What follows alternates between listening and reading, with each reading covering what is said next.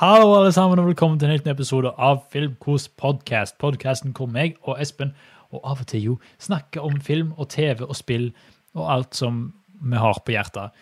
Eh, som sagt, mitt navn er Thomas. Med meg har jeg som vanlig Espen. Hallo, Espen. Hallo, Thomas.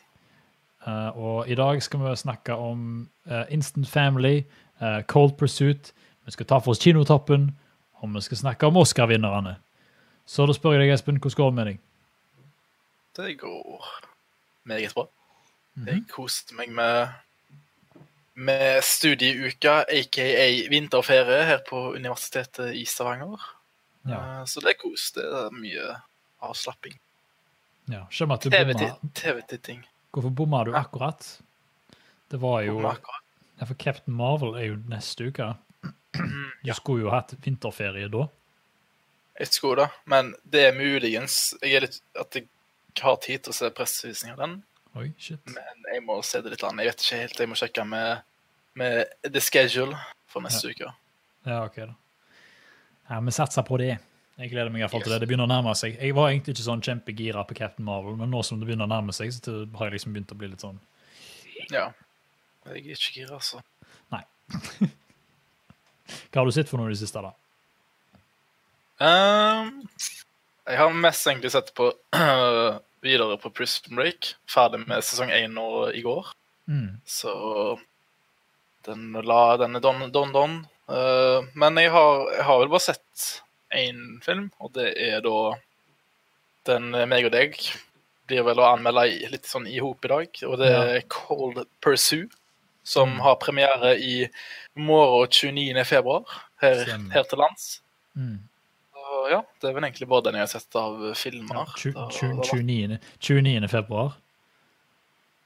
Ja, er det 1. mars i morgen, kanskje? Ja, det hører vi 1. mars i morgen. Da ser vi hvor 29. februar. Ja, nei, den, den eksisterer vel ikke, den, er jo bare når det er skuddår. Eller da, skuddår? Ja, OK. Ja, men det er ikke skuddår i år. Det er ikke skuddår i år. Må skjerpe deg, Espen. Men han kommer i morgen. Han kommer i morgen, for de som lurer på det. I morgen fredag. Ja, vi 1. mars.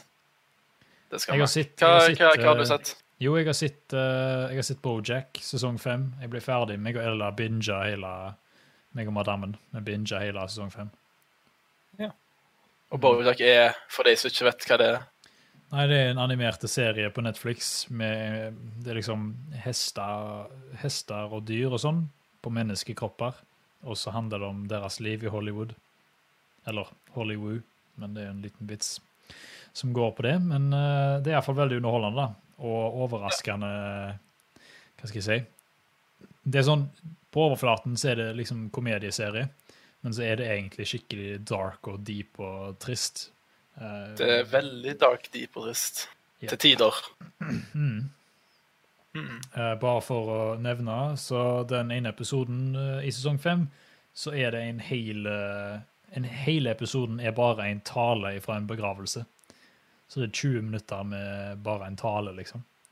Og så Ja. tenker, Dette her er jo sikkert Det hadde vært dritkjedelig hadde det vært en annen serie, men siden det er Bojack, så er det kjempemorsomt. Og, og real. Real hit in the feels. Så ikke la deg lure om at det er en animert TV-serie med, med snakkende dyr, med andre Nei, ord. Nei, nei, Det er, mye mer, det er mye mer enn bare det. Ja. Ja, nei, det definitivt. Det er det. Og vi kan jo da si at eh, stemmen til hovedskuespilleren i denne serien er Will Arnett, som jo har stemmen til Lego Batman. Mm. Og så har vi Aaron Paul, som er eller en av hovedskuespillerne i Breaking Bad. Så det er kanskje noen navn som folk kjenner igjen. Mm. Så- Alison Brie er med. Og, Alison Brie fra Community, blant annet. yes, det er veldig, masse, veldig godt cast. Eh, og, og noen morsomme sånne um, Hva skal jeg si? Noen morsomme sånne um, cameos Ja, vi har Daniel Radcliffe er med i en episode, vet jeg. Det er veldig, Mm. veldig morsomt. Ja. Uff. Men utenom det så har jeg sett uh, Nevnte jeg Captain Fantastic forrige podkast? Nei. Nei, jeg har fått sett den, da. Jeg husker du, du anbefalte at jeg skulle se den, og så har pappa mast meg om å se den. Av alle personer. Pappa har sikkert sagt til meg sånn fem-seks ganger bare, å, jeg så denne filmen, Captain Fantastic, den må du se. Jeg bare, OK.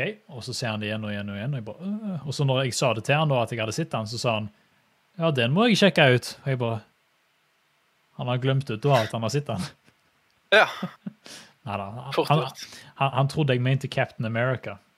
Men, eh, så han blanda litt der. Men jeg syns det var veldig morsomt at liksom, han har mast meg så mye om å se den. Og så når jeg ser han nå, så husker han ikke hva det var engang. Nei da. Det, det er mye sånn captain-greier, så det er fort blander. Ja, sant. Ja. Ja, hva, ja, hva syns du om den? Nei, den er veldig god. Uh, Viggo Mortensen er veldig flink skuespiller, og det viser jo godt her. Uh, det er en veldig annerledes film som har et, uh, en historie som jeg ikke har sett før. Og, og ikke bare det, men han har òg en, en måte å presentere seg på som er ganske unik. Ja, hva, kan du sånn kort si hva den handler om, uten å spoile sånn stort? Ja, eh, det handler om eh, en far som bor med sine barn ute i skogen. Eh, Og ute i skogen så har de en liten camp, og der lærer de å, å lese bøker og, og, og trene Leve og, og leve livet ute i skogen, ja. Eh, og så en dag da så reiser de ut av redet sitt, for å si det sånn. Det er vel det, er vel det meste jeg kan si uten å spoile hva som skjer. Ja, nei, det er en veldig god film. Det er sånn litt sånn feels good-film. Litt feels bad-film.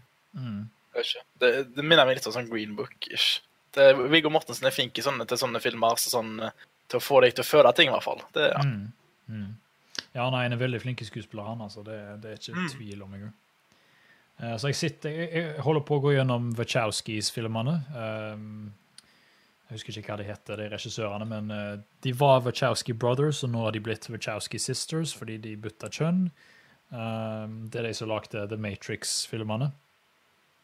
Ja. Så jeg har sett det, og så har jeg sett eh, men, men denne uka har jeg sett Speed Racer. Speed Racer er en film som er basert på en anime uh, fra 70-tallet eller noe sånt. Uh, og det er en film som har en helt crazy visuell stil som jeg aldri har sett før. Og med tanke på at den kom ut i 2008, så var den litt sånn forut sin tid. Men uh, jeg vet ikke helt hva jeg syns om filmen. Det er veldig mye sånn der en dårlig CGI som har kamera som driver og fyker fort rundt omkring, og du blir litt sånn svimmel av å se på. Uh, så jeg, på en måte så digger jeg at de på en måte lagde en sånn en anime tegneserie på en måte, så du ville sett på søndag, nei, lørdagsmorgen som unge. De klarte liksom å fange den følelsen ganske bra. Men når du blir kvalmen av å se på filmen, så er det liksom ikke så kjekt å se på. Så han var liksom, han landa litt sånn midt på treet hos meg, da. Ok. Men det er vel egentlig alt jeg har sett. Uh, Ja, jeg, jeg, jeg, kom, jeg har jo sett en film til som jeg Mm. eh, den, det, det er sånn Han suser litt forbi meg fordi jeg syns filmen var skikkelig mørk. Og det var da Ikke skikkelig møk, men jeg trodde han skulle være bedre. Og det var da Amundsen. ja, Ja. Den, eh, den var ikke så bra. Stemmer. Du, men, husker du, du sa det etter å ha sett den. Ja, så jeg, jeg glemte den helt ut. Eh, men Mm. jo, Amundsen, den var virkelig ikke det, Jeg vet ikke. Jeg, det var sånn skikkelig sånn typisk film. Bare sånn, ja, men dette er en norsk film, og vi skal virkelig lage en Hollywood-norsk film med mye greier. Store CGI-opplegg og solid historie. Men det er sånn, nei. Ingenting ha- hang på greip for min del. Det var skikkelig sånn sloppy dialog og eh, du, du sa det sjøl, det var så mye sånn Historien altså ikke, historien var så rar. Det var liksom Mm. Da var starten litt sånn introduksjon til hvem denne mannen er.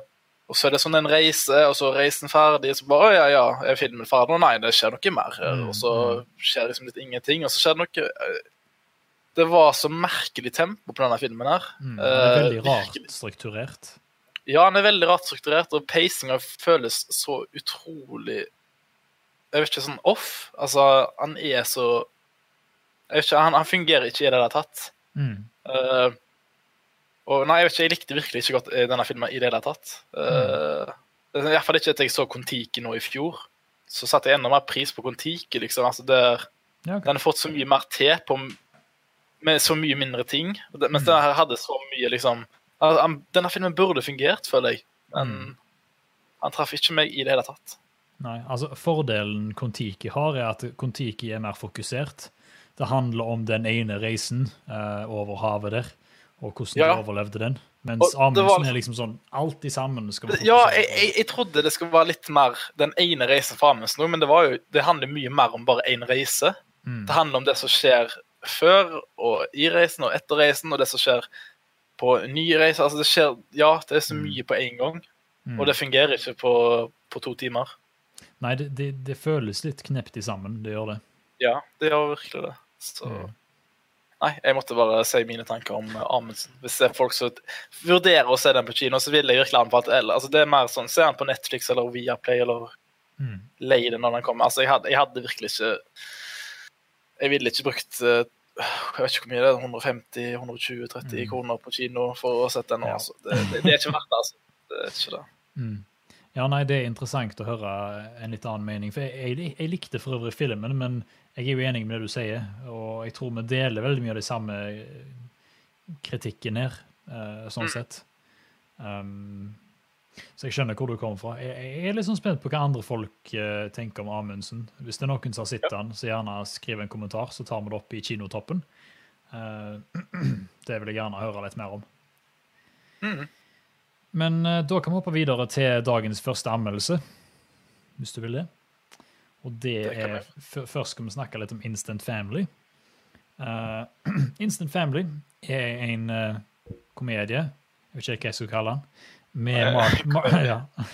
For dere som hører på lyden, så har vi sånne kaninører. Sånn komedie Når du må forklare en vits, så blir det alltid så dårlig. Det er så trist. Sorry, folkens. Men eh, ja, det er iallfall Mark Wahlberg og Rose Bear, Byrne, Byrne eh, som spiller i denne komedien med eh, Som en familie som har lyst å skaffe seg unger. De har ikke klart å få unger sjøl, og derfor har de lyst til å adoptere. Så de ender opp med å adoptere tre, eller en tenåring og to småttaser. Uh, og så handler filmen da om deres liv som en familie, og om de klarer å holde seg sammen som en familie. da. Og jeg vil bare si det at eh, når filmen starta, eh, så hadde jeg litt forskjellige forventninger. Jeg forventa at han skulle være litt morsom. Det er jo komedie, tross alt. Jeg forventa at det skulle være Mark Wahlberg som liksom eh, hadde sin klassiske Mark Wahlberg, og Berger bare var sånn Hey, hey guys, what are you doing? What are you doing over there? What do you, do you want to come play or something? Do you want to play with this ball? What do you want to do? What do you want to do? Altså liksom, Han snakker jo sånn, og det, det er alltid gøy å høre på. Og så ser han så masse ord og setninger som på en måte får meg til å smile og le. Eh, og denne filmen var heldigvis da ikke noe unntak. Jeg syns han var veldig morsom. Um, men bare fordi Jeg var ikke sikker på om det var pga. bra manuskript, eller om det var pga. at han er en liten sånn meme. Så det hovedsakelig poenget, eller det største poenget jeg vil ta for, uh, fram uh, om denne filmen, er at jeg er ikke sikker på om jeg ler av han eller med han, hvis det gir mening. Det er, liksom, det, det, det er et kult konsept, men mange av karakterene er litt sånn klisjé og cringe. Og det er ikke alt som henger helt på greip i historien. Eh, men jeg syns fortsatt det var koselig. Uh, rett og slett på grunn av at eh, ungene som var med, var egentlig det, det beste med filmen, syns jeg. Uh, og Mark Wahlberg er alltid morsom, og Rose Byrne er en veldig flink skuespiller. Eh, så, så de holder på en måte filmen sammen, til tross for at det er mange øyeblikk så jeg sikker, så sitter der og bare cringes bare søren. Og jeg var ikke sikker på om det var meninga det jeg ler av, skal det være løye, eller skal det ikke være løye, eller er det bare jeg som er teit, liksom.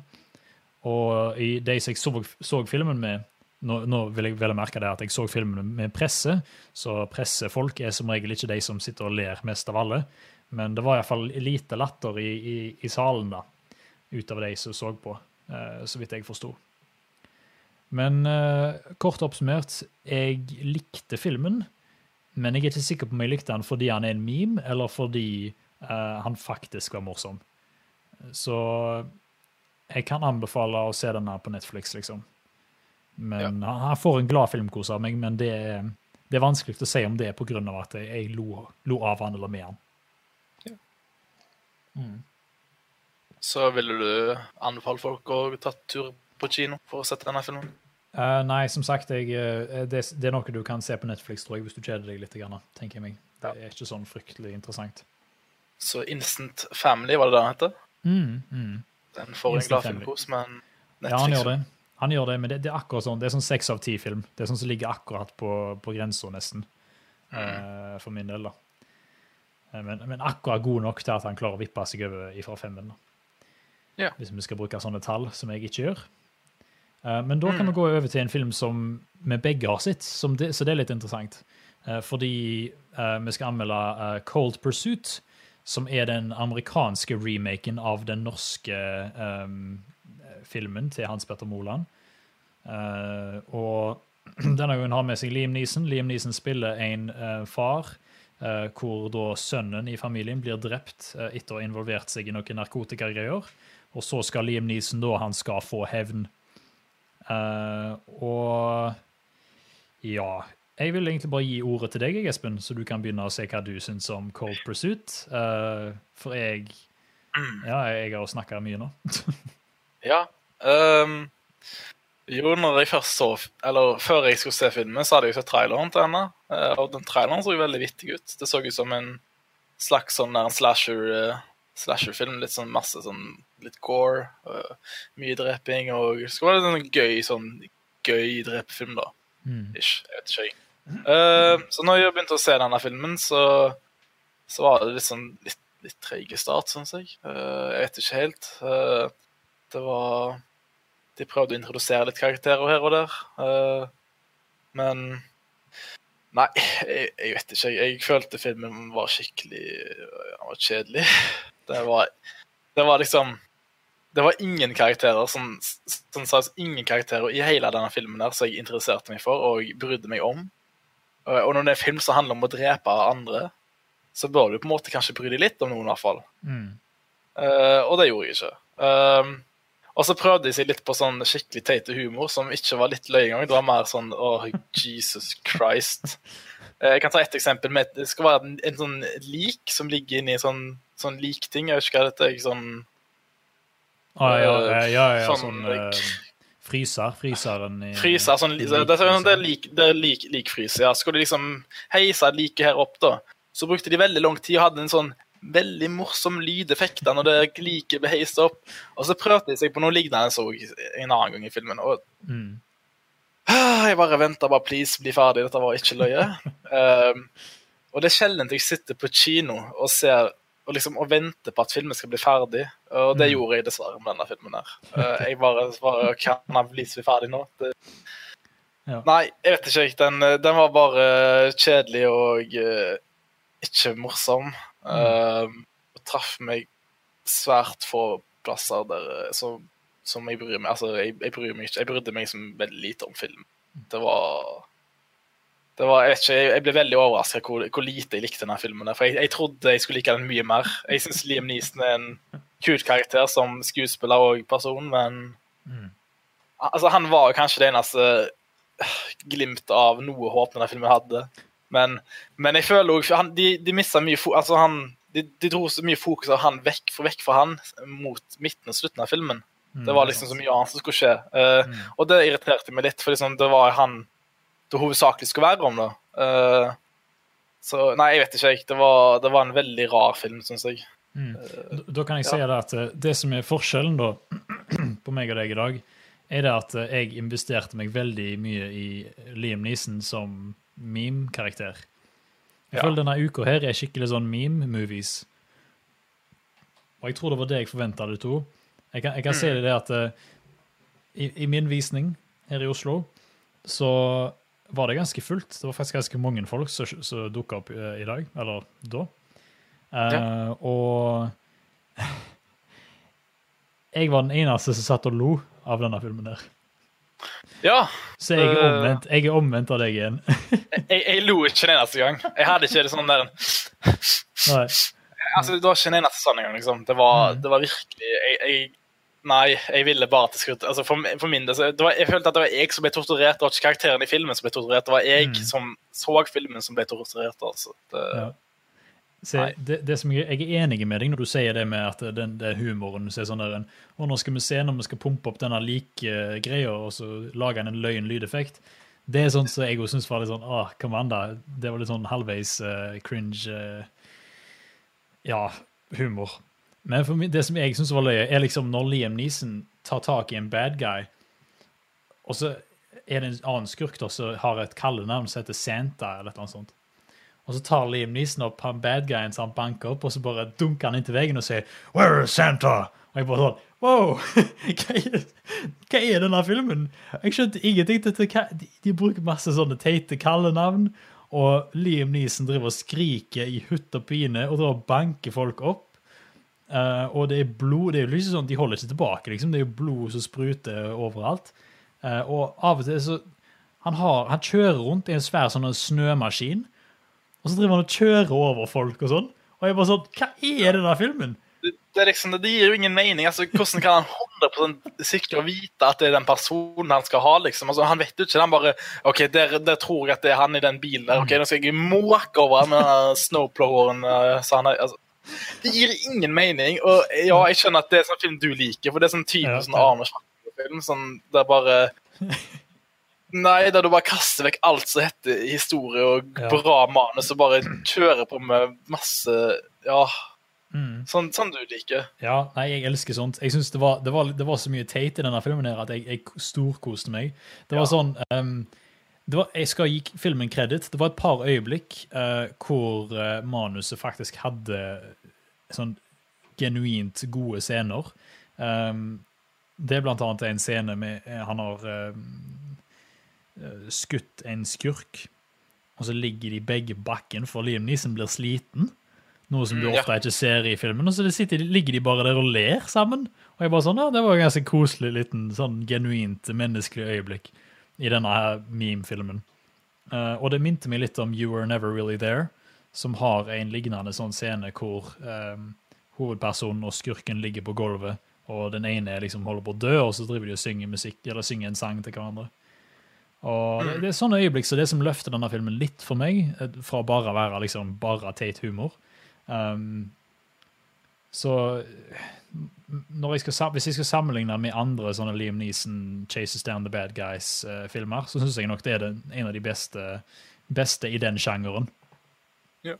Um, men, men jeg skjønner at, jeg skjønner at folk ikke kan li, at ikke folk liker denne. For det, det er sånn Hvis ikke du kjøper Liam Neeson og det teite konseptet, hvis ikke du liksom investerer deg i hvor teit det er, og liksom ikke er med på den vitsen, så kommer alt til å ramle vekk. Og jeg merker det at eh, som sagt, i salen så var det bare jeg som lo. Ingen andre i hele salen som lo. Og jeg så anmeldelser etterpå fra VG, eksempel, Terningkast 3. Og de sa at liksom var mye dårligere enn den originale filmen. Og jeg bare, jeg vet ikke, jeg vet ikke om jeg er interessert i den originale filmen engang. Jeg har ikke sett Kraftidioten, så jeg vet ikke hvordan den er. Men eh, jeg syns dette her var kjempemorsomt, bare pga. at det er Liam Neeson som tar bad guys.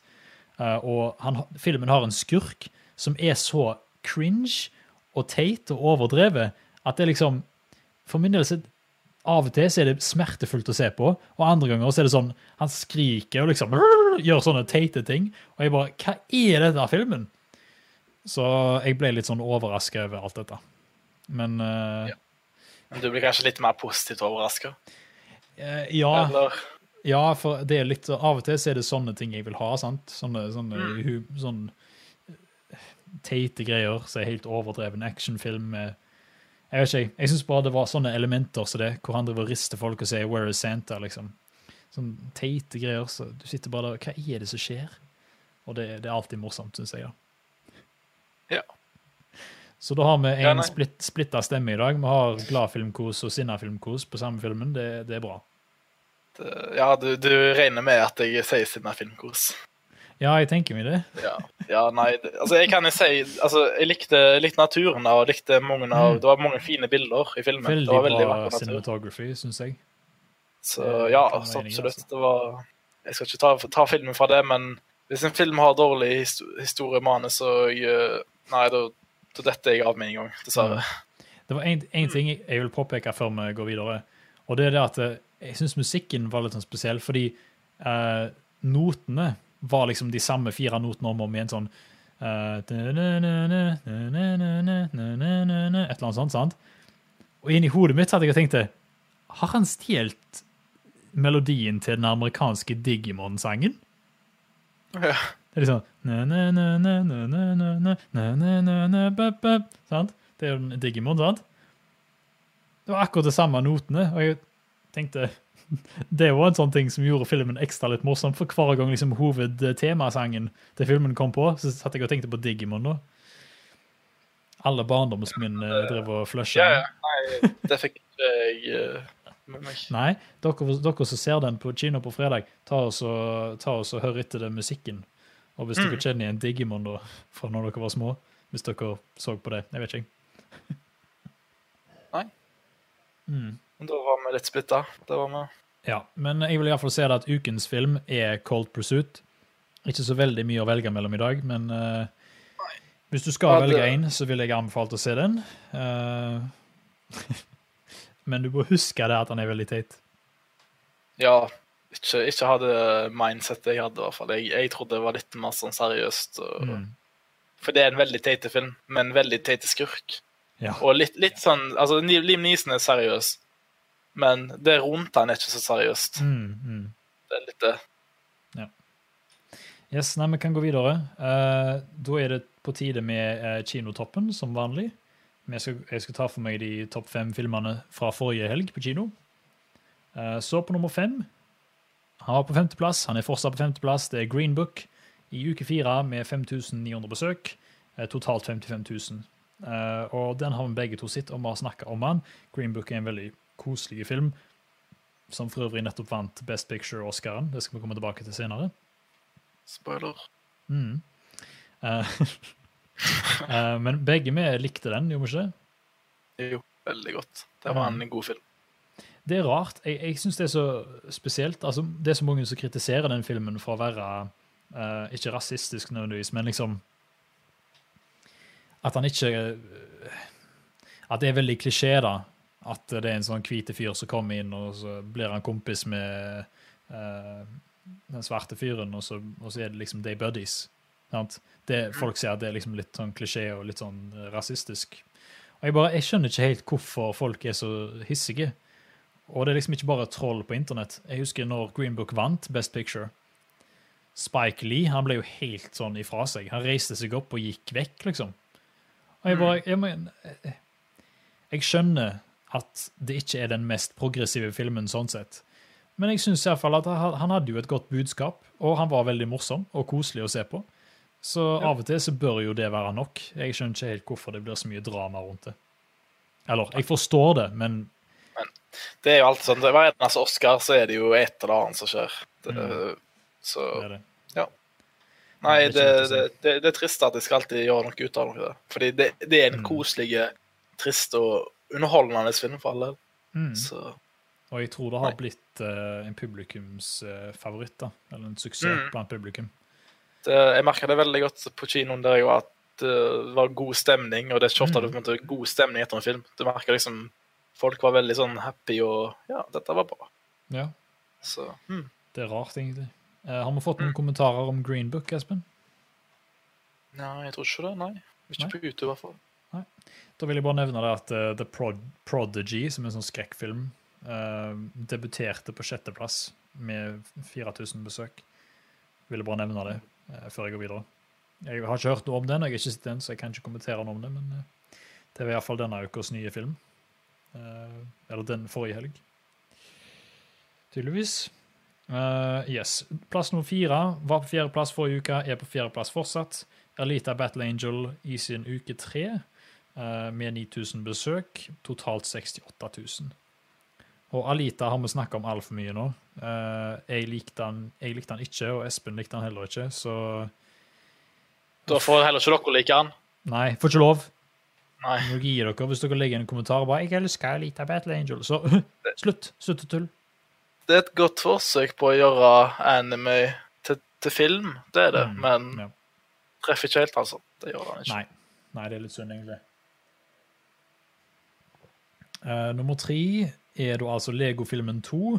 Han har gått ned fra nummer to til nummer tre i sin andre uke, med uh, 14 000 besøk, totalt 51 000. Jeg har ennå ikke fått sett Lego-filmen 2, uh, men jeg har en følelse av at både meg og publikum har vært litt lunkne på denne filmen med tanke på at markedsføringa ikke har vært så bra, og at eh, Lego-merket har på en måte brent seg litt. Grann. Lego Batman var veldig bra, Men så kom Lego, Ninjago, og det var veldig kjedelig. Eller helt greit, liksom. Og da hadde jeg liksom litt, litt liten interesse i Lego-filmen 2. Jeg kommer Mm. nok til å se den, men jeg tror ikke jeg kommer til å springe på kino og se den. Det tror jeg ikke. Nei. Du har ikke sett den, du heller? Nei, jeg har ikke sett den. Nei. Noen kommentarer om eh, Alita eller Lego-filmen? Nei. Da går vi videre til nummer to, som er Riv Rolf krasjer internett. Den holder seg sterkt. altså. Han har faktisk gått opp fra tredjeplass til andreplass i uke fire. Så det sier jo litt da når en eldre film er mer populær enn Lego-filmen 2, som er nyere. Det er litt spesielt. Men iallfall, uke fire. eh, 17 000 besøk. 170 000 totalt. Det er jo Det begynner å bli mye. Det er godt. Ja. Fortsatt ikke sett den. Jeg har ikke sett den første heller, så jeg kan ikke si noe. Um, har vi fått noen kommentarer om River-Rolf? Nei, man har ikke det. Nei, ok. Da går vi videre til nummer én. Nummer én er Amundsen uh, i sin andre uke. Fortsatt på nummer én, altså, med 26 000 besøk. 121 000 besøk totalt.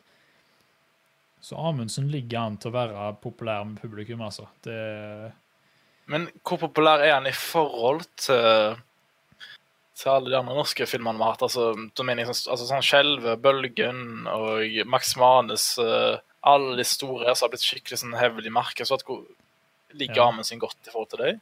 For jeg føler alle de har fått veldig god omtale, mens Amundsen har vært mye, mye blanda. Ja, jeg, jeg prøver å kikke det opp her, men uh... Og bortsett fra Bølgen òg. Det var vel blitt blanda, det òg. ja.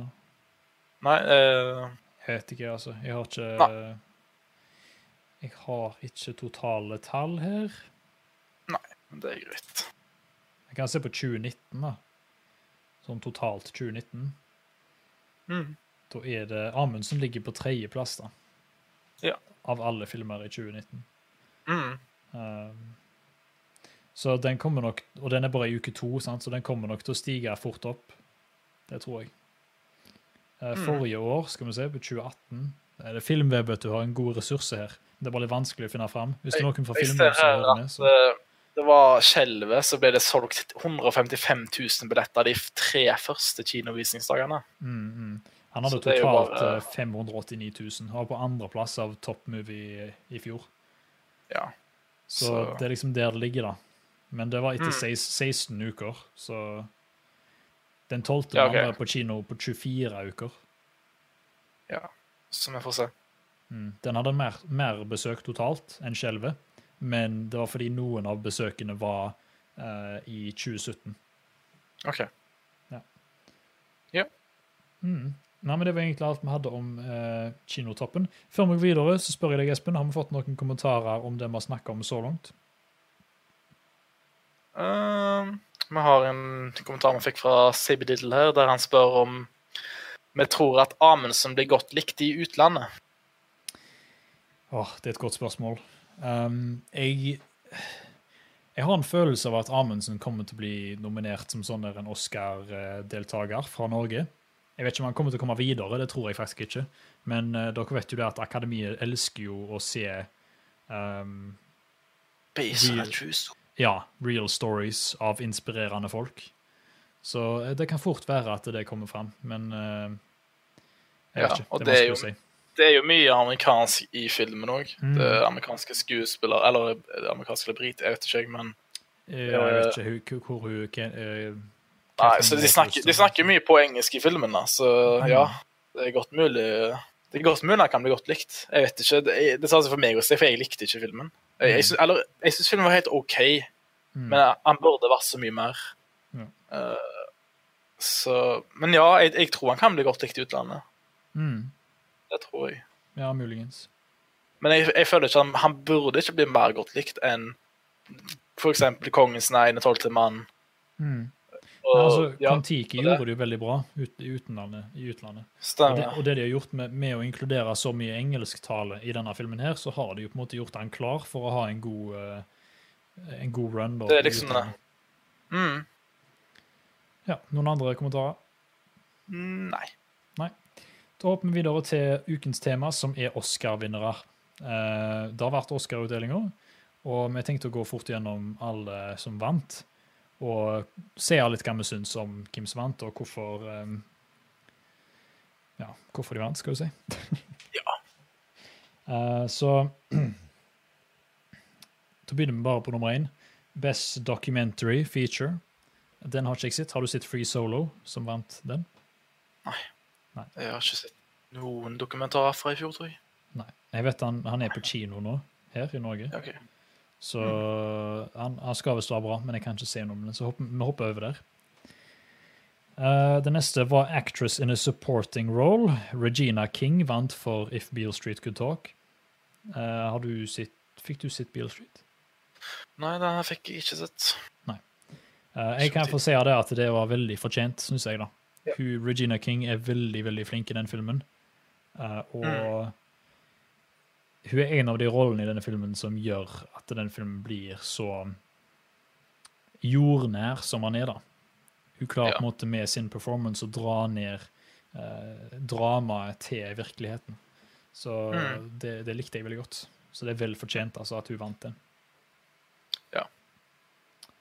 Eh, Det neste er makeup and hairstyling. Da er det Vice som vant den. Ikke noe særlig sjokker med det tanken på at eh, Christian Bale har fett eh, suit på seg. Og. Ja, sett litt, sett litt bilder, og det, det er imponerende. Mm. Det ser ikke ut som Christian Bale, for å si det sånn. Nei. Jeg vil bare se det nå, for dere som hører på, eh, dere som ser på live.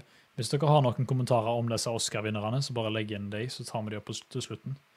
Tar Mm. vi, tar vi det opp til slutten? Ja, på slutt. Ja. Jeg klarer ikke å snakke norsk lenger. Uff. Så ja, det, det er godt forstått. Uh, Jeg har ikke så veldig mye å si om Vice. Jeg, jeg syns Vice var helt grei. Um, det var en interessant film som ga meg et nytt innblikk i noe jeg ikke visste så mye om. Ja. Så det, på, um, på basis av det så kan jeg jo anbefale det, da, hvis du vil vite mer om det. Men det er ikke sånn nå skal vi ha kino-filmkveld, skal vi se Vice? Nei, det, det tror jeg ikke skjer. Uh, costume design, da er det Black Panther som vant. Um, Det er litt interessant. Uh, hva syns du om at Black Panther har så mange nominasjoner og vinn i år? Jeg vet ikke, altså det, det er en film som har hatt så sykt mye oppmerksomhet, så, så det overrasker meg ikke. Det, jeg Mm. husker jo både før og når filmen kom ut, hvor mye opp, oppmerksomhet den filmen hadde.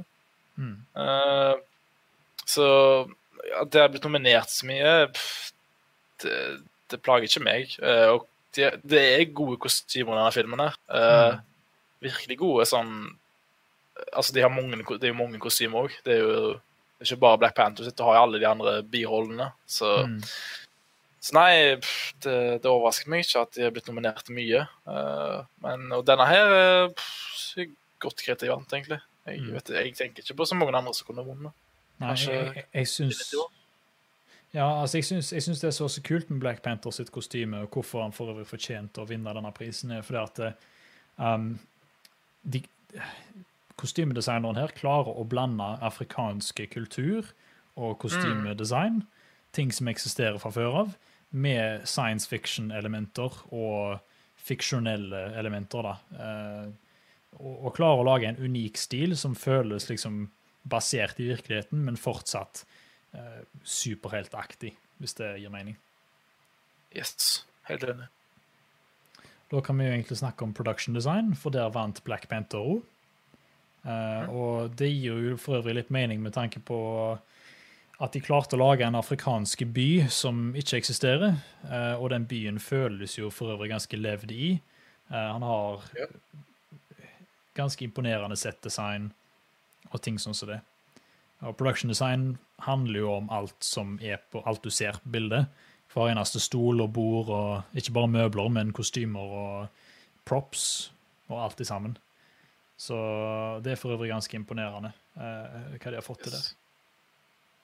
Så av alle kategoriene som Black Panther kunne blitt nominert og vunnet i, så er det nok de eh, det Ja. som er mest fortjent, da.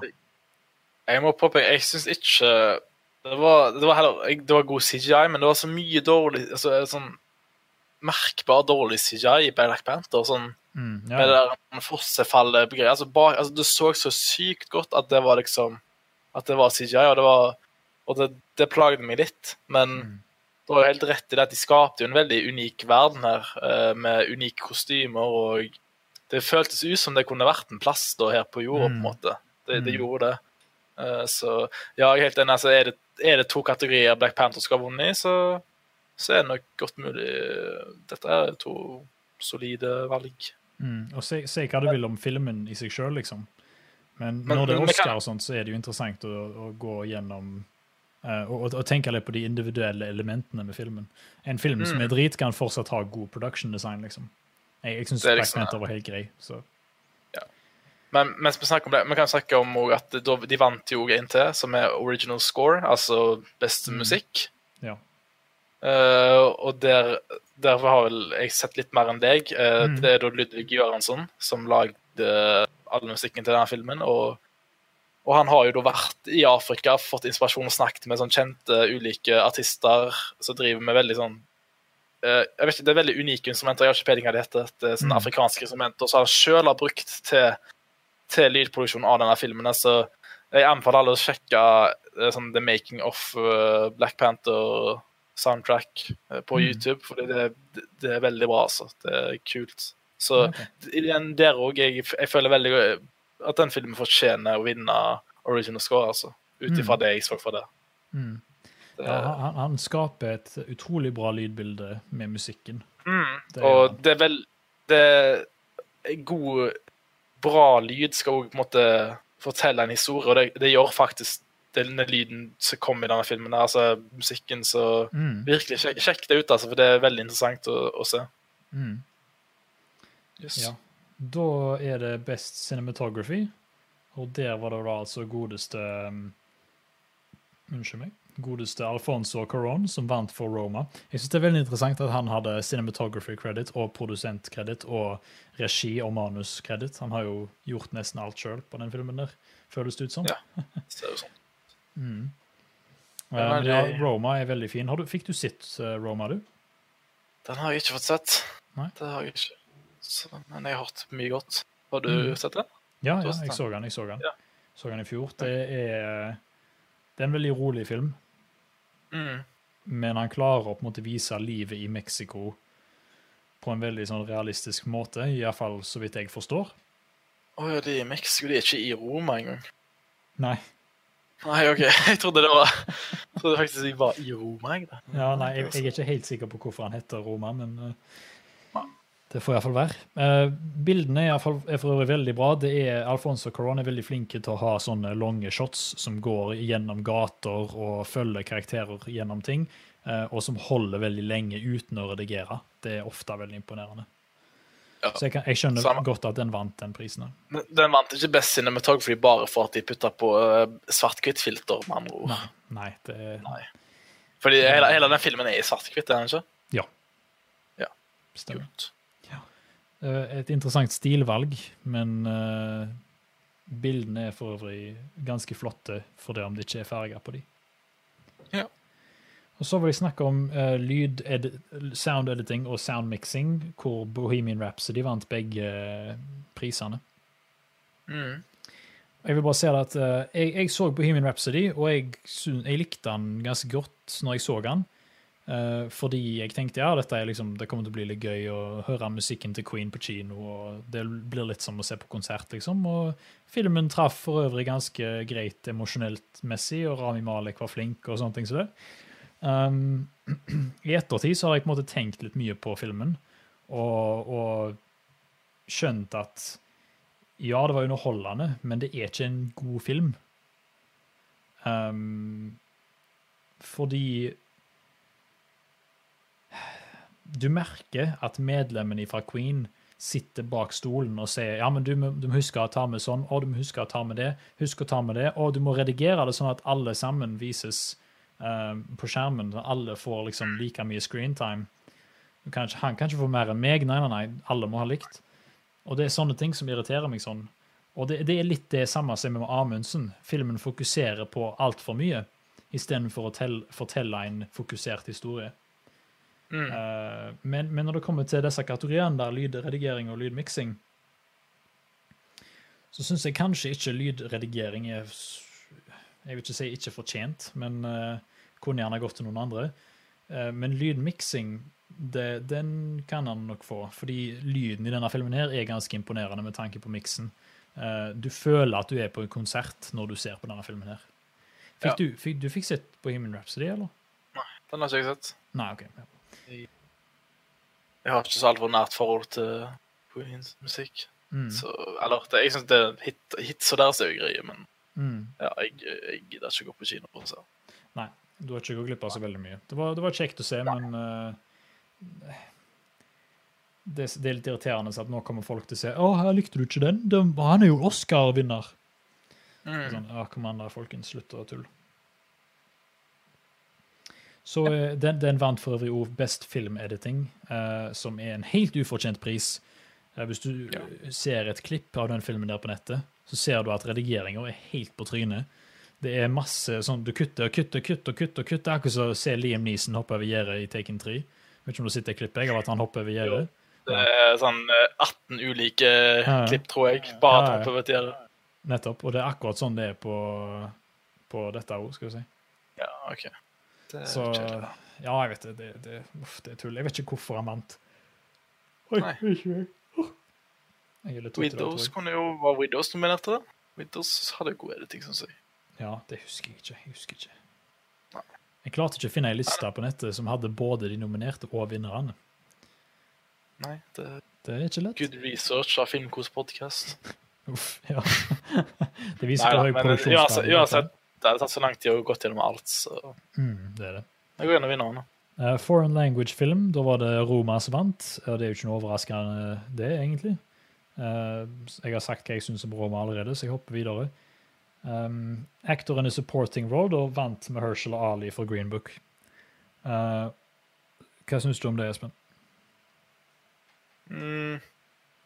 Altså ut ifra det jeg så fra Green Book, så faller vel fortjent. Jeg syns den Eller han Mahershali gjorde en veldig god rolle og en god figur. Um, så satte et veldig godt inntrykk på, på meg, i hvert fall, uh, etter å ha sett Green Book. Så ut ifra den filmen Og jeg har, ikke, jeg har mest sannsynlig ikke sett alle nominerte, men ut ifra den filmen, så ja. Uh, og egentlig ut ifra de fleste 2018-filmene, så syns jeg han han var en av de som hadde best sånn inntrykk på meg, i hvert fall. Sånn Mm. etter jeg har sett filmen. Så Han har vært i mye bra. Det- Han har det.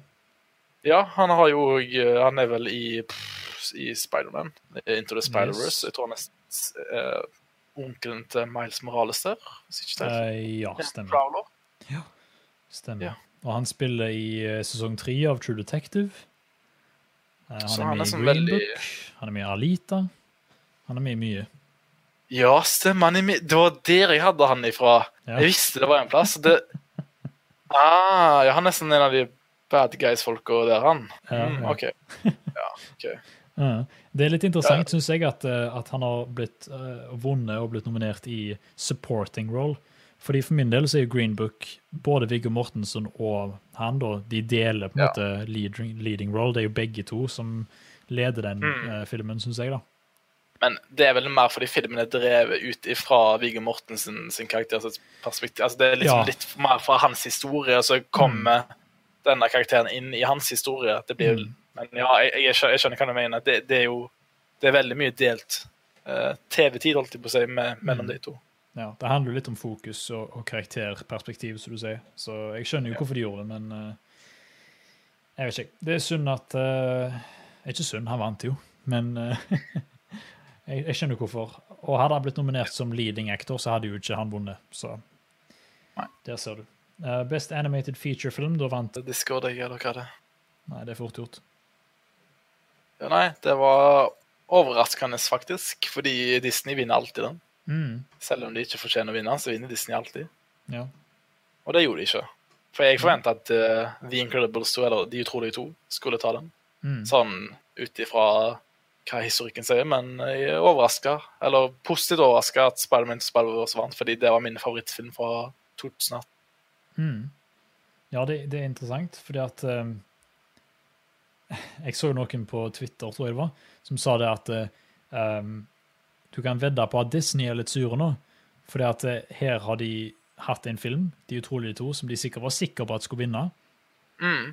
Og i tillegg til det så har Sony, som lagde Spiderman, har brukt en Marvel-karakter, og Marvel er jo eid av Disney, sant?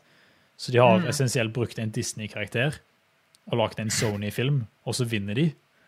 Så det, Det, er litt morsomt. Jeg tenker deg, Hvis de hadde hatt den, så hadde de vunnet sjøl, liksom. Så. mm, Men eh, når vi snakker om Disney, da, den som vant fra der, er jo animated shortfilm, og det er jo Bao. Den kortfilmen som var før uh, De utrolige to. Mm, den, er, den er koselig. Den er, veldig koselig. Den er veldig, Mm. En søt, liten film som kom før der. Uh, som sjå, Documentary Short Subject og vant Period End of Sentence har jeg aldri hørt om eller sett, så det kom, tror jeg bare hopper rett over. Jeg tror ikke du har noe forhold til den, du heller? eller? Nei. Eh, Beste visuelle effekter, da vant First Man. Og jeg ble så glad når jeg så at First Man vant noe. Fordi jeg Mm. elsker den filmen, og jeg, skjønner- jeg syns den var veldig sånn, undervurdert uh, i fjor. Så enig.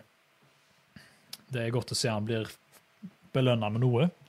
Ja, og, altså, det er jo helt nydelige effekter i den filmen. Eller? Oh, yes. Fy søren. Altså, altså, altså, når du ser mål, altså, wow. Det, det Mm. føles sånn seriøst ut som det der. Iallfall ut ifra når jeg satt på kinoen og så. Det var Mm. virkelig eh, Det var utrolige bilder. altså, og Sykt gode effekter. Og spesielt det blandingen mellom liksom, praktiske effekter og CGI. Det er Mm. knallbra. Det Det er er så godt gjennomført. Jeg, jeg, Mm. En del av meg var liksom sånn åh, håper Avengers vinner. Men det er sånn Ja, Avengers har gode VFX, men det er noe med å klare å gjenskape den Apollo-greiene og alle romskipene og månen som gir en helt annen følelse enn noen andre i denne kategorien. Så jeg, Ja, altså, det, det, det kunne nesten Altså, det er så god effekt. Altså, du kunne nesten trodd at mye av det var virkelige uh, bilder fra, Mm. fra Apollo-oppdraget. Mm. Eh, Det, det ser sykt bra ut. Mm. Ja, nei, vi tipper hatten til den, altså, for den uh, First Man. Gå og se den hvis, dere ikke har sett den. altså, Fytti søren. Yes. Uh, live action shortfilm, da vant Skin. Har ikke peiling på hva det er, så den tror jeg bare hopper over. Um, Best original screenplay, så da vant Green Book. Eh, da vil jeg bare si en ting. Som sagt, vi har jo diskutert Green Book, og vi liker den veldig godt begge to. Jeg syns ikke manuset er det sterkeste med den filmen, og det tror, det tror jeg jeg nevnte i anmeldelsen min nå. Hvis ikke jeg tar helt feil. Eh, så for min del så er det litt rart at den har vant beste manus. Um, Ja. Jeg vil ikke si at det ikke er fortjent, for det var jo morsomt og god dialog for øvrig. Men det var så mange andre filmer som kunne ha slått ut Green Book, syns jeg, da.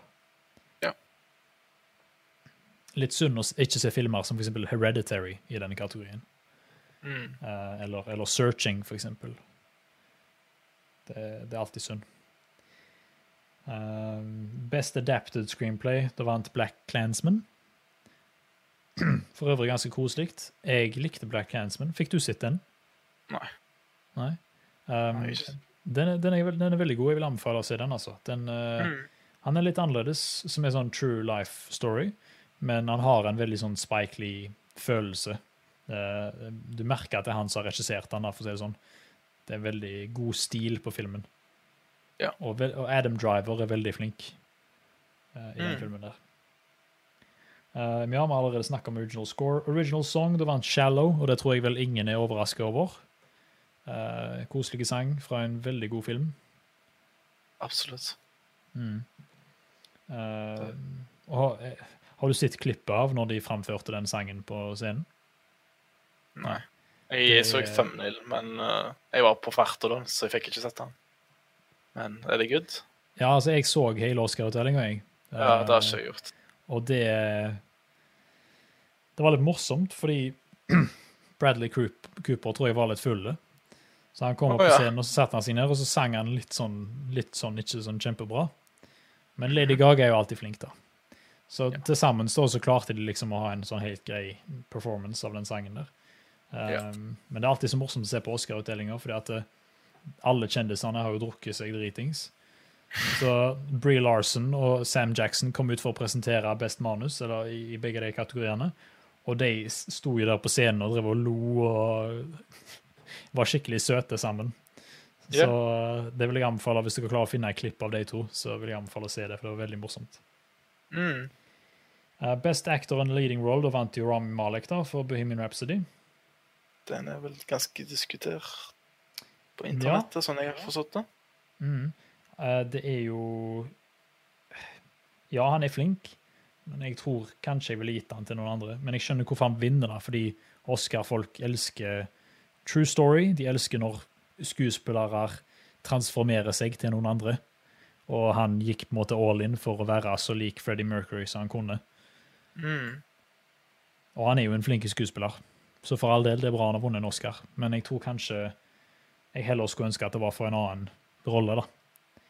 Fordi Ja. det var andre skuespillere i den kategorien som jeg kanskje syns fortjente den litt mer. Mm. Um, Best Actress vant uh, Olivia Colman for The Favourite. Den visste jeg kom til å vinne, for alle snakket om den hele tida, og alle sa at hun er så flink i den filmen. Den kom ut i 2019 her, og jeg har ikke sett den. Og det har vel 20 år. Hva sa du nå? Har du sett The Favourite? Nei, nei, nei, nei, den har jeg ikke sett. Den, ja. Nei. Nei, da har ikke jeg så mye å si om den.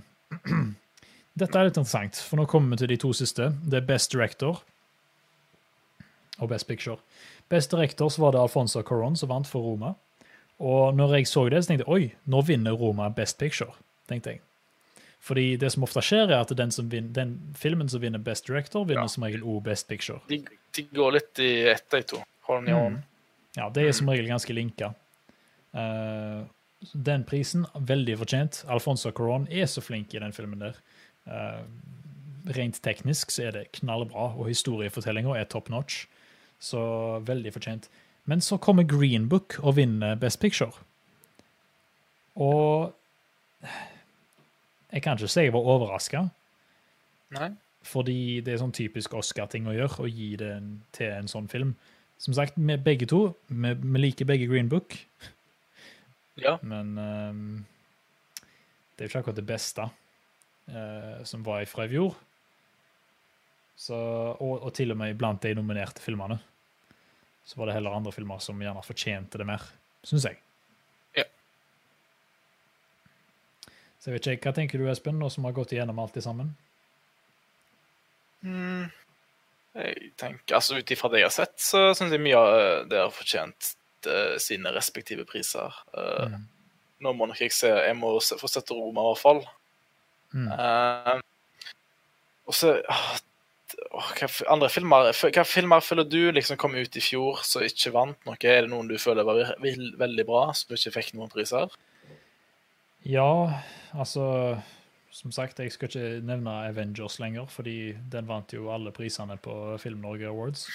Så jeg tror vi roer oss ned litt med den. Ja, men Vi fikk en liten kommentar her eh, fra Bosskilder der han spør hvorfor vant bare Avengers Infinity War. Og ja, det, Vi har vel sagt vår uh, grunn til det. Det var, det var en film folk likte. Det var en demokratisk ja. dem, Altså det demokrati, denne pollen på podkastene. Ja, jeg vet, om, jeg vet ikke om alle vet det, men Film Norge Awards var folkestemt. Det var ikke vi som bestemte hvem som vant. Det var, vi sendte jo ut en survey så alle kunne være med på å stemme på. Mm. Så Don't Det var, ask det, me. var en, det var en film folk likte, rett og slett. Og som alle så. Ja. Eh, Jeg kan jo nevne at Annihilation burde ha vunnet nå. Mm. Og- Jeg likte veldig godt Tully, Creed 2, eh, Mission. Impossible Fallout, ja, Hereditary, Widows, Searching. Uh, First Man burde vunnet mer. Mm.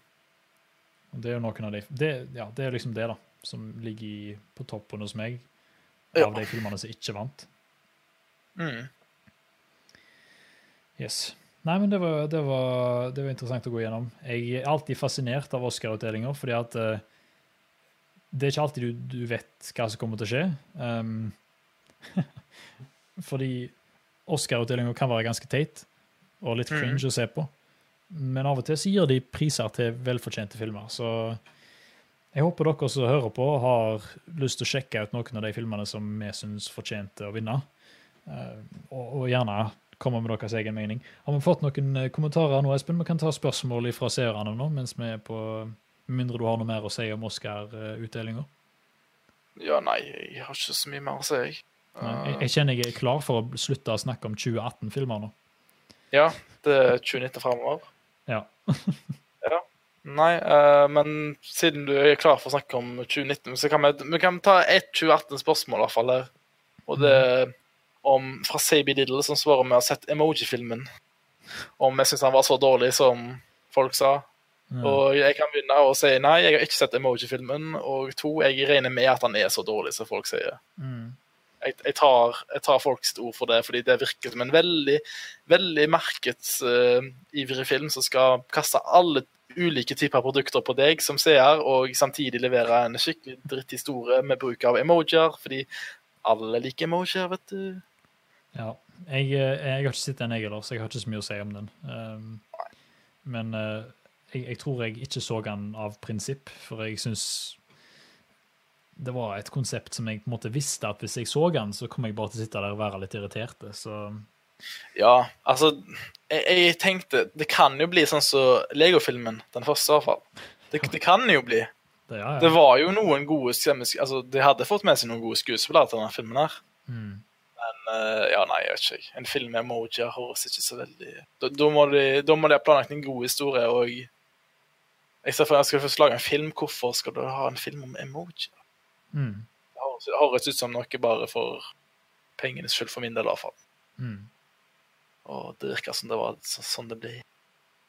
Ja. Ja. Nei. um, så har vi her enda et spørsmål fra CB-Lille, som spør hvilken film er vi mest overraska over at vi ikke har sett. For han har alle sett Jungelboken. Hva, altså, er det en film som liksom, du sjøl føler du burde ha sett, som du ikke har sett? Å, herregud. Uh, ja, en hel haug. Ja. Uh, Folk sier alltid meg 'Har du ikke sett den?' Og jeg føler jeg ser mye film, liksom. Så Det er sånn jeg det er vanskelig å si. Ja. Uh, jeg bare full fart gjennom lista mi her. Jeg har ei watchlist på Letterboxd, ser du. mm. Nei, jeg kommer ikke på noe sånn fullt i, full, um, full i farten, skal vi si. Eh, folk sier det til meg hele tida. 'Hvorfor har du sett den?' Hvorfor har du sett den? Men eh, det har ikke skjedd så veldig mye i det siste. Nei. Jeg kan i hvert fall si at det er veldig mange sånne typiske klassikere som jeg ikke har sett. Blant annet uh, The Shawshank Redemption, eller Frihetens regn. Mm. Uh, og Gudfaren-filmene. det har ikke Uh, jeg heller sett. Pulp Fiction, Fight Club, altså eh, det. det, har jeg ikke sett. Men kanskje det mest overraskende er kanskje Inception, for jeg føler det er en film jeg sikkert ja. hadde likt. Den har, jeg- den har jeg ikke sett, og jeg liker veldig godt Leonardo DiCaprio. Hmm. Så det er kanskje den jeg er som mest overrasket at jeg sjøl ikke har sett. Ja, ja det, den bør du se. Den er, den er ganske god, sånn jeg har forstått det. Den, den er ganske god, ja. Mm. Eh, Eh, ja. Nei, jeg er enig med Ja, deg. Det er sånne klassiske filmer så egentlig jeg tror jeg er mest uh, Ja. Hvor folk vil være mest overraska over. mm. Jeg har jo mye filmer på lista mi, men det, det er ingenting som folk liksom s- så skriker ut. 'Å, har du ikke sett den?' Nei. Det er mer sånn, jeg er mer sånn, det er filmer som jeg, på en måte, er interessert i å se, fordi jeg har hørt noe interessant om de. Eh, Hadde du, hadde du spurt meg for tre år siden, så hadde jeg sagt 'Ringenes herre', men den har jeg jo Mm. nå sett. Ja. Men det, var- det var vel det kanskje og mest overraskende jeg ikke hadde sett. mm. Men nei, jeg har noe mer å komme med. Nei, når han sier Jungelboken, mener han da Jungelboken Disney-originalen? jeg, jeg, regner med, jeg regner med det er tegnefilmen, den gamle klassikeren. Ja, ja. Men, for, men jeg vet ikke. Okay. Um, så har vi da spørsmål fra Morgan Slang, som spør eh, hvilken film føler dere at dere er for unge for? Siden vi, vi er jo 22-23 år gamle, respektivt. Er det, en, er det en film du føler du på en måte er for ung for å på en måte Jeg er kanskje ikke for å forstå, jeg, jeg vet ikke helt hva, hva det spørsmålet innebærer. fordi altså, vi, jo, vi, vi kan jo se alle filmer vi vil, sånn uten å holde igjen til mamma og pappa. ja. Men eh, jeg, jeg er litt sånn usikker på den. Jeg, nå, nå har jo ikke jeg sett alle disse altså Jeg føler de fleste filmene jeg ser, jeg har jo vært nokså godt eh, voksen til å kunne ha sett. Mm. Uh, men det blir nok, kanskje, kanskje det blir noen av de klassikerne der jeg på en måte Jeg er for ung fordi jeg ble født etter på en måte den tida til den filmen. Uh, hadde jeg blitt født fem-ti år før, så hadde kanskje de vært litt mer for meg, men nå er det kanskje ikke Jeg vet ikke, jeg. Ja, det er et interessant, eh, interessant spørsmål, fordi at eh, altså, Tenker du da at siden vi er unge, så setter vi ikke pris på gamle filmer? Er det det som er tanken? For jeg har veldig mange filmer som er fra som er veldig gamle, som jeg liker. Some Like It Hot fra 40-tallet er veldig bra. Um, uh, It's A Wonderful Life, veldig bra film. Uh, men uh, som jeg er for unge for Ja, sånne pensjonistfilmer, det er jeg for unge for. Som for eksempel uh, The Book Club eller um, uh, The Wife. Mm. Eller sånne, jeg vet ikke jeg. Ja, Du kanskje skjønner hva jeg mener? Det- det- sånne filmer som liksom er targeta mot pensjonister. Det er jeg ja, for unge for. eller godt voksne. Det er sånn typisk filmer som er sånn bokadopsjoner fra bøker som var populære for ikke, x antall år siden, som er mer Mm. sikta for, for de som vokser opp med det, eksempel. Eller ja. Mm. Men jeg, jeg kan ikke sånn spesifikt si en film som jeg føler meg for ung for. Det klarer jeg ikke helt. Mm.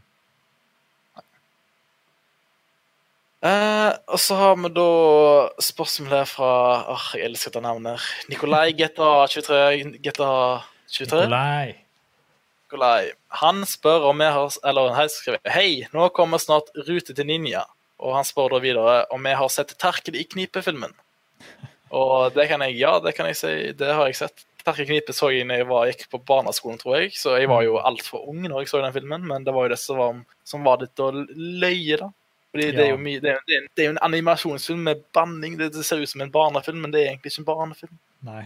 Og jeg, jeg syns det var så morsomt, fordi at uh, jeg fikk den jeg av av mamma og pappa da jeg var liten. Ja. Det Ja, sånn, du «Å, gjorde det, ja. Ja, se, vi har en barnefilm til deg, liksom. Jeg bare Ja, så gøy, da. Og når jeg så den, vet du, jeg trodde det var det var det mest edgy shit jeg noen gang hadde sett. Eh, Ja, jeg tror det, det er nok noe av det mest edgy shit jeg har sett Ja, jeg var, var og så skulle du liksom gjemme Jeg skulle gjemme det, vet du, for jeg fikk egentlig ikke lov til å se sånne, sånne voldelige filmer, eller sånne som var liksom ekstra skumle. Mm. Så, jeg, så, jeg gjem, så når jeg så han, så gjemte jeg det litt òg. Så meg og søstera mi vi satt jo og så på Terkel i knipe, og mamma og pappa visste jo ingenting om hva det var for noe. Nei, det er litt, kanskje litt sånn som den der Sausage Party som kom for noen år siden. da. Ja, den ja. eh, ser ut som en barnefilm, men det er ikke en barnefilm. Nei. Men ja, nei, eh, han snakker jo om Rute til Ninja òg, som eh, eh, det ble sluppet en trailer til i dag. Som er en slags oppfølger til Terkel Det det er i samme universet til Terkel i knipe. Ja. Der det, der det handler om jeg tror det er fetteren, altså søskenbarnet til Terkel. Hvis ikke tar helt feil. ja nei, det Så, så du får nok sett, du får sett karakterer fra Terkel Knipe-filmen. da. Bare at denne gangen så blir det jo voice act av en helt ny person. Det er ikke Aksel Hennie som tar seg av dubbinga denne gangen.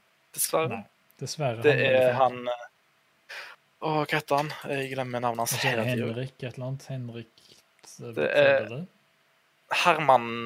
Herman Flesvig er det. Flesvig. Ja. Ja. Han er jo liksom up and coming nå, er han ikke? Jeg føler jeg ser han litt Jo. sånn her og der. Han er med i mye rart ofte, ja. Veldig mye i NRK. Uh, ja, det var, Vi har en opp, oppfølging her fra Morgens Lang som kommer med det spørsmålet om uh, filmen føles for ung for, og der sier han 'knepp opp, da, gutta'. Dere klarte ikke å komme opp med et eneste eksempel. Og nei, jeg, jeg, jeg kommer ikke med Jeg har ingen spesifikke eksempler. Det er veldig vanskelig å si, fordi jeg Når jeg først leter etter å se en film, så, så tenker jeg ofte sånn filmer som kom ut nå nylig de siste årene. Og jeg vil helst se filmer som jeg, jeg, jeg vet er bra. For jeg, jeg føler at når jeg først vil bruke tid på å se film, så vil jeg se noe som er bra. Hvis ikke jeg ser en helt ny kino, da, eller film som kommer på kino. Eh, Mm. Men hvis jeg først sitter hjemme i sofaen eller ligger med, med Netflix på PC-en, så, så vil jeg liksom se noe bra. Eh, Så, men jeg kommer ikke på noe sånn spesifikt, altså. Så jeg føler meg ung for. Proble problemet er at det er litt, det er litt spesielt jeg, jeg skjønner ikke helt spørsmålet.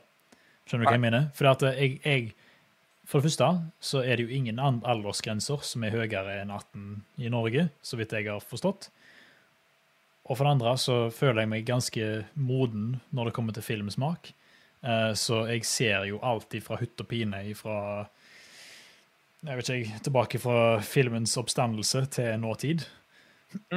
Men jeg, jeg kan se for meg at han mener liksom at vi for unge for materiale inne i filmen. Eller temaet Ja, altså- som filmen handler om. Og da er det sånne filmer som jeg tenker på, sånn uh, The Book Club, for eksempel. Sånn som handler om pensjonister som sitter og liksom og ser på vårt liv om, som pensjonist og ser du, du som pensjonist kommer sikkert til å elske dette, liksom sier filmen til publikum. Mens jeg er jo ikke målgruppa for den filmen, og derfor er jeg for ung for den filmen. Det er iallfall sånn jeg tolker det spørsmålet. Men jeg vet ikke om jeg vet ikke, Hvor, hvor gamle jeg, tror du vi er? Vi er 22-23, så det er liksom Jeg, jeg kan ta én film jeg på en måte kom på, en film som jeg vet er veldig appreciata, som jeg ikke egentlig helt falt i smak hos meg. Jeg, jeg, var liksom, jeg visste ikke helt hva den filmen på å være. Jeg vet ikke om det, det, svarer helt på spørsmålet, men The Grand, Pes, nei, The Grand Budapest Hotel, okay. som, en, som, jeg så med deg, husker jeg, den filmen oh, ja. Jeg vet ikke, jeg syns ikke den var, var, noe særlig. Jeg følte den var veldig rar. Uh, så kanskje det. Kanskje jeg liker den om bedre om noen år. Jeg vet ikke. Men ja, ja. når jeg så den for, for to-tre år siden, så Den er jo kjempebra, Espen. Ja, men så, Den er kjempebra. det kommer i hvert fall med et spes eksempel. Ja, OK, det er bra, det. det Grand Budapest Hotel. Jeg, jeg tror kanskje, kanskje, den eh, kan havne innenfor der. Mm. For min del. Ja. Har vi noe mer? Uh, nei, egentlig ikke. Nei, jeg er veldig spent jeg om Morgan Slang kommer tilbake igjen og definerer spørsmålet mer, eller om han har Fordi jeg vet om Morgan Slang. Morgan Slang er en av våre kjære Patron-støttere, så jeg har veldig lyst til å snakke mer med han for øvrig. Um, han skriver at han stilte spørsmålet åpent og ønska bare å høre oss få filosofere over noe, hva som helst. Ja, OK. Ja. Nei, men, eh, nei, men jeg, setter pris på det, altså, for det, det er et interessant spørsmål. Du, du tenker ofte liksom Filmer er jo designa til å treffe en spesiell målgruppe, ikke sant? Mm. Og når jeg som anmelder, du som anmelder, går og ser film for å anmelde, så er det liksom sånn Er filmen lagd for oss, tenker jeg, da. Ja. Og, og, det spiller på en måte litt inn i hvor mye jeg kommer til å like den filmen. For eksempel, jeg nevner det igjen, The Book Club. Hvis du sender en pensjonist eller en eldre anmelder til å anmelde den filmen, så kan det godt være at den personen kjenner seg mer igjen i uh, tema, kjenner seg mer igjen i hva filmen handler om, og klarer å knytte seg mer til karakterene, noe som f.eks. jeg, når jeg ser Book Club, så er det ikke sikkert jeg klarer å knytte meg på lik måte som de klarer. Uh, nå har ikke jeg sett Book Club, så kan ikke jeg se om den er bra eller dårlig, men det var bare én ting jeg kom på sånn ut av det blå. Um, Nei, det, er sant. det er en interessant og, debatt. Det, det, det. Og det er det samme. Jeg ser det filmer som vi er for gamle til å se. altså kan, kan, mm, betyr, ja. si kanskje, kanskje vi går og ser barnefilmer og anmelder barnefilmer, f.eks. Altså, det handler jo om mm. hva, hva, hvordan du kommer inn for å se filmen, hva du tenker, altså, hva du tenker på forhånd av filmen. altså Du må jo mm. vite på en måte hva, hva det skal gå i. og uh, jeg, det, det, det, er jo et veldig det er et bra spørsmål, fordi det, det er vanskelig å besvare. Mm. Uh, men jeg står holder fast med, med, The Grand Budapest Hotel. Altså, fordi det, det føler jeg er en film som ikke traff meg. Mm. Men jeg tror, jeg tror, den kan treffe meg en, kanskje en annen dag. Ja, det, det, er det som er interessant. fordi at eh, ofte hvis du ser film når du er yngre, så er det sånn Hvis du ikke setter pris på det da, så kan det være du setter pris på det senere. Mm. Eller omvendt. Liksom... Noe du likte veldig godt når du var tenåring, f.eks., som du ser når du er i 20-årene. bare sånn, herregud, hvorfor likte jeg det? Uh, så det går begge veier. Men det er fordi at eh, folk vokser opp, og folk relaterer seg til for forskjellige ting. Og det de relaterer seg til, endrer seg etter hvert som de blir eldre. Så ja, det er fascinerende. For da kan du begynne å snakke om ja, men bør vi sende anmeldere på disse filmene, f.eks., eller bør vi hente inn et barn for å anmelde liksom de minste filmene. Barnefilmer og sånt. Nå foreslår ikke jeg at vi skal gjøre det, men jeg sier bare nei, at Nei, nei, men det, det, er jo sant. Det, det er en interessant det, debatt, iallfall. Det er det. Iallfall å ta inn til betraktning når du tenker på Hvis du leser en anmeldelse eller hører på en anmeldelse, det er greit å tenke litt på ja, hvem er denne anmelderen. Uh, ja, har han lignende smak som meg? Uh, er han like gammel som meg, eller er han yngre eller eldre? Eller liksom, og hvordan tror du det kommer til å påvirke hans filmsyn, eller hennes filmsyn? Vi ser jo det òg på, på, hos eh, norske level up, uh, de som lager spillanmeldelser. Der har de mm. bl.a. ingen som anmelder sportsspill, fordi ingen av de spiller sportsspill. Fordi det treffer ikke deres interesser og deres kunnskap. Så liksom Det, mm. det, det, det er, jo, det er jo en veldig interessant debatt å ta da om Bør du ha en mer spesifikk anmelder til akkurat den Altså at jeg tar mer komedier, eller Thomas har komedier, så jeg mm drama. Altså, mm, ja. jeg, vet, jeg, vet, fordi, fordi anmeldelser av filmer og hva du liker av filmer, er så utrolig subjektivt, og det mm. varierer så mye. Altså, jeg kan Jeg kan like de dummeste komediene som fins, som, som får sånn skikkelig dårlig score på IMDb og Rotten Tomatoes, og jeg liker de, men jeg, jeg kan ikke appreciate Grand Budapest Hotel. Det, er så, det, det er så mye sånn Det er så mye variasjon og subjektivt, og ja, nei, jeg vet ikke. Det, det, det er ikke lett å si. Det var et interessant eh, spørsmål eh, som jeg var veldig usikker på til å begynne med, men som faktisk var med og skapte litt debatt. Så Morgan Slang, tusen takk for det. Det var veldig bra. Det var veldig interessant. ja. Og han skriver noe at det var akkurat det vi snakker om nå, som han var ute etter. Ja, OK, supert. Da ble jeg glad for at, jeg svarte, at vi svarte på spørsmålet hans der. Ja. Det er bra. Så nei, vi kan finishe der, tror jeg. Ja. Det er ikke Yes. noe mer du har det til? Uh, nei, det er egentlig det for i dag, tror jeg. Uh, da vil jeg bare si det at uh, tusen takk for at dere hørte på, folkens, og så på. Eh, nå har vi litt plugger, litt ting vi vil an eh, ikke anmelde, men anbefaler at dere sjekker ut. Um, en ting jeg vil si i full fart. Facebook-accounten til Filmkos har 74 likes. Klarer vi å få den opp til 80 likes? Jeg håpet du skulle si 75. Ja, 75 likes. Klarer vi det, blir jeg iallfall imponert. ja. Nei, så like Filmkos på Facebook, please. Mhm. Bare søk på Filmkos, så finner dere det. Eh, dere kan finne oss på Filmkosgram på Instagram, eh, på Filmkos på Twitter, Espen5b på Twitter. eh, og dere kan støtte oss på Patron hvis dere har noe til overs og har lyst til å støtte oss. eh, vi, vi jobber mot 15 dollar akkurat nå, fordi at da har vi finansiert podkasten. Eh, akkurat nå så går vi litt i minus, og jeg har ikke jobb. Hvis noen av dere har eh, jobb til meg, kjenner noen som leter til folk, så gjerne si ifra. Jeg bor i Oslo, jeg har lyst på jobb. Bruke podkasten. Please. Og, og, men hvis, du skal plugge det, så plugger jeg òg jobb. Jeg er snart Ja. ferdig med bachelorutdanning til barnehagelærer, og jeg trenger jobb i rundt Stavanger-området, så ja. hvis, hvis dere kjenner en eller annen som leter etter mannlig barnehagelærer, pedagog, anything, så let me know. Hire us. Hire us, please, people. We are nice people. I promise. Yes. Very nice. Uh, ja, uh, så dere kan finne podkasten på Spotify, iTunes, overalt. Uh, der dere vil. Gjerne legge inn en anmeldelse på iTunes, hvis dere vil det. Hvis dere har noen tanker Ja, del, del podkasten med en venn, vær så snill. Det, det hjelper veldig. Fordi da Mm. får vi flere folk som kan være med og stille spørsmål, og det blir enda kjekkere. Eh, dere kan sende inn en e-mail på filmkospod at gmail.com hvis dere har noen lengre tanker dere vil ta opp, eller noen spørsmål eller debatter dere vil vi skal diskutere. Uh, hva er den siste tingen? Én ting til. Ja. Gjerne legg inn en kommentar uh, hvis dere har noen anmeldelser eh, dere har lyst til å skrive til oss. Noen tanker om noen filmer, så gjerne gjør det. Eh, om Kinotoppen, for eksempel. Så sjekk ut Kinotoppen på Filmweb og gi oss noen kommentarer hvis du har sett noen av de filmene som ligger i topp ti. Hmm.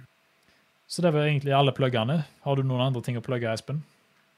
Nei, altså Hvis det er noe folk vil vi skal diskutere på en eventuell podkast i framtida, så gjerne si et eller annet tema eller anything.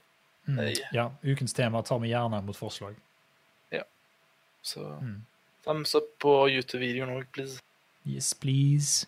Ok, folkens. Husk å abonnere på kanalen, så snakkes vi neste, um, neste uke. Yes. Kos dere. Ha det godt. Adjø.